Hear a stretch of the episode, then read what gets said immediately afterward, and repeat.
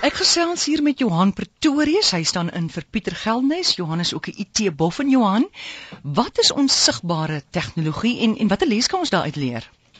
Môre, ehm um, ja, ek wil graag 'n bietjie gesels daaroor. Ongelukkig is nie onsigbare beanies of van jy praat nie, want jy sê dit is maar 'n passie doder daar. Dit is 'n passie doder, so jy weet van hierdie dinge, ek is bly. Ja, nee, dis koud hier in die Kaap. Ja, ja. môre, ek wil graag gesels oor agter die skerms tegnologie. Die dinge wat mense nie altyd raak sien nie en wat ek as as IT persoon en professionele mens ook graag wil hê ander moet ook trots wees dat dit die gebruiker nie net wenig kan sien nie. En ek vandag vir julle vertel van die storie agter Gorilla Glas. Nou wat is hierdie Gorilla Glas? Moenie net vir my sê dis daai dik glas by banktellers se toonbanke nie.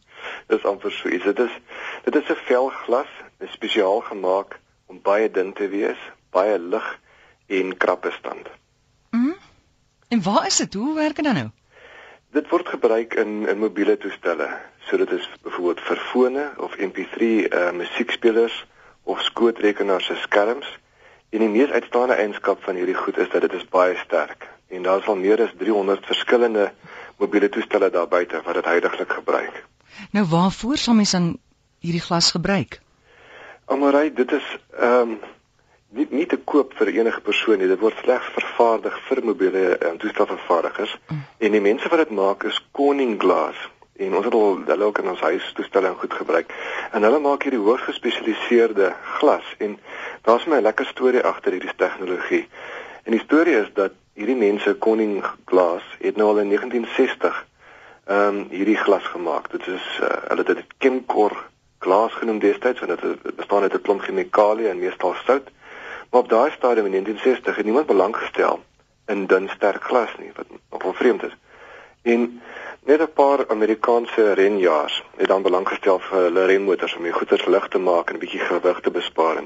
Maar daarna het niemand weer daarna gekyk nie. En toe baie jare later, um, 46 jaar daarna, bou Apple toe die eerste iPhone fone. En jy weet natuurlik was almal by Apple baie opgewonde want daai goeders was wonderlik toe dit uitgekom het. Niemand het nog ooit so iets gesien nie. En hulle loop met hulle prototipes rond en speel daarmee. En daar krap Steve Jobs wat toe mos nou die baas van Apple was. Sy foon sy skerm ehm um, krap toe want die goed was gemaak van plastiek en sy sy motorsleutels het in sy broeksak teen die ding gekrap mm. en daar hierdie ding het klomp um, skraapmerkies op. En ehm um, hy word toe hy word toe erg kwaad en ongelukkig. En ehm um, dis my 'n uh, eh, eh, wonderlike karakter die Steve Jobs. Mens moet eintlik sy boek gaan lees deur uh, Walter Isaacson se biografie. Maar uh, Steve word toe verskriklik boos hieroor en ehm um, hy gaan toe en hy gaan soek vir 'n oplossing. Hy het dit nie net daar gelos nie, want almal die res van die mense sê dan maar dis dis goed genoeg. Wat wat verwag jy? En hy gaan soek toe en hy en hy hou aansoek en uiteindelik beland hy by Wendell Weeks, die bestuurende direkteur van Koning Glass. Hulle begin gesels en Wendell vertel vir hom van hierdie ou Gorilla Glass tegnologie van meer as 40 jaar oud wat hulle op die rak gesit het en begin mot uh, stof in mekaar maak. En hy is die voorduig toe vir vir Wendell, hulle gaan dit goed bou. En uh, hulle was baie haastig want hulle moes toe nou inderhaas, jy weet 'n paar ehm um, maande voor voor ehm um, aflewering moes hulle dit goed begin plan maak. En niemand het geweet of dit gaan werk nie. En hulle dadelik begin. En ehm um, hulle moes ook natuurlik miljoene van hierdie skermpies maak vir die mobiele fone vir die iPhones. En hulle haal toe die spreekwoordelike haas uit die hoed uit en daar verskyn die Apple iPhone in 2007 met hierdie Gorilla Glass en Vandag niemand het sommer van selfsprekend aan dat hierdie iPhone se skermpies en ander ehm um, uh, slimfone se skerms ook so wonderlik is dat dit nie krap nie. En maar iets sonder sonder hierdie Gorilla glas sou daar merkies gewees het op die goeders en ons fone sou baie dikker gewees het en en swaarder. Dis my die onsigbaarheid daarvan. Nou kan mense dit koop en in jou huis gebruik? En nee, dit word spesifiek net vervaardig vir hierdie ehm um, uh, uh mobiele foonvervaardigers ongelukkig kan mens nie daarmee vir onsself dit maak nie, maar hmm. hoe hulle dit doen is hulle vat 'n dun velletjie glas en hulle versterk dit dan deur ehm um, ionuitruiling. Dis so dit vervaardig en dan sit hulle die velletjie glas in 'n bad vol warm gesmelte sout en dan kook hulle die ione af vanaf hierdie ehm um, velletjie glas af. Hmm. So al die klein ione maar ek verstaan hoe dit werk. Al die klein ione val af en dit word vervang deur groot ione wat dan 'n plek inneem. En dan wanneer jy die glas afkoel, dan is daar nie meer so lekker plek vir die groot oë nie. en dan is dit stampvol binne in hierdie velletjie glas want dan is hierdie groot ione nou styf teen mekaar en dit maak hierdie ding dan geweldig sterk en en krabbestand vir die algemene gebruik. Wat wonderlik is ook hierdie goed kan herwin word soos gewone hierdie recycling prosesse waar mens nou die glas herwin weer. En eh, Koning is nou besig om Gorilla Glas 2 te maak. So dis dis dieselfde konsep, hulle verbeter dit net, dit gaan nog 20% dunner word. Uh maar net so sterk soos die soos die huidige ene. En omdat dit so dun is, gaan wanneer jy nou op jou skermpie druk, gaan jy kan eintlik voel hoe hy agter beweeg en dit gaan meer 'n realistiese ge, gebruikers uh, ondervinding wees.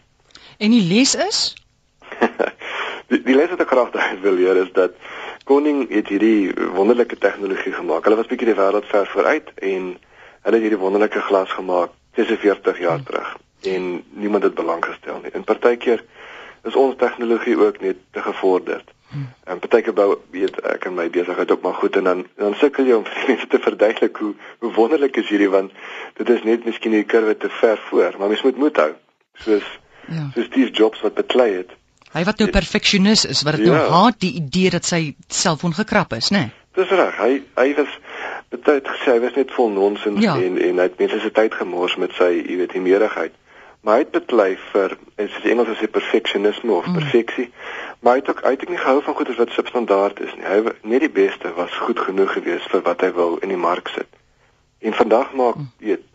300 ander ehm um, toestelvervaardigers ook gebruik van Gorilla Glas want die man het 'n punt beet gehad en ek ek voel ons as IT mense en, en sommer enigiemand wat in Suid-Afrika iets maak jy jy moet trots wees op wat jy maak. Jy moet jy moet streef na perfeksie en net die beste wil hê want selfs die goeders wat mense nie kan raak sien nie, moet jy ook na streef vir die beste. Hengman, ek het nou gisteraand het ek 'n sakeprogram gekyk op televisie en daar was 'n boer. Hy is die grootste suikerboer ter wêreld en hy bly in Suid-Afrika. Sy van is Senekal. En hy eindig toe die storie af, die onderhoud af en hy sê sy boodskap aan mense is: hy sê wees buitengewoon. Ja. Besluit jy gaan die beste wees op jou vak. Ja. En ek hou nogal van daai.